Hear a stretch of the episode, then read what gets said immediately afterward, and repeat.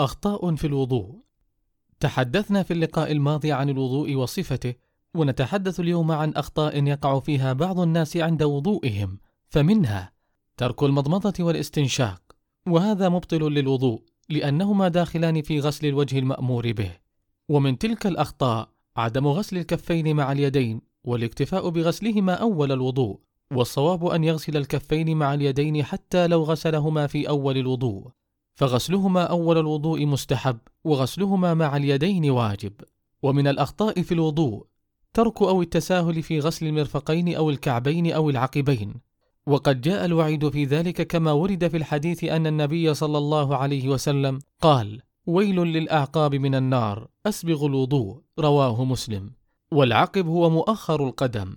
ورأى النبي صلى الله عليه وسلم رجلا ترك موضع ظفر على قدمه فقال له ارجع فأحسن وضوءك رواه مسلم. وفي حديث أن النبي صلى الله عليه وسلم رأى رجلا يصلي وفي ظهر قدمه لمعة قدر الدرهم لم يصبها الماء فأمره النبي صلى الله عليه وسلم أن يعيد الوضوء والصلاة. رواه أبو داود وصححه الألباني. ومن الأخطاء في الوضوء الزيادة في غسل أعضاء الوضوء أو بعضها أكثر من ثلاث مرات وهذا مخالف للسنة. ومن الأخطاء الشائعة الإسراف في استخدام الماء. والله تعالى يقول ولا تسرفوا إنه لا يحب المسرفين. وفقنا الله لاتباع هدي نبيه صلى الله عليه وسلم واقتفاء أثره.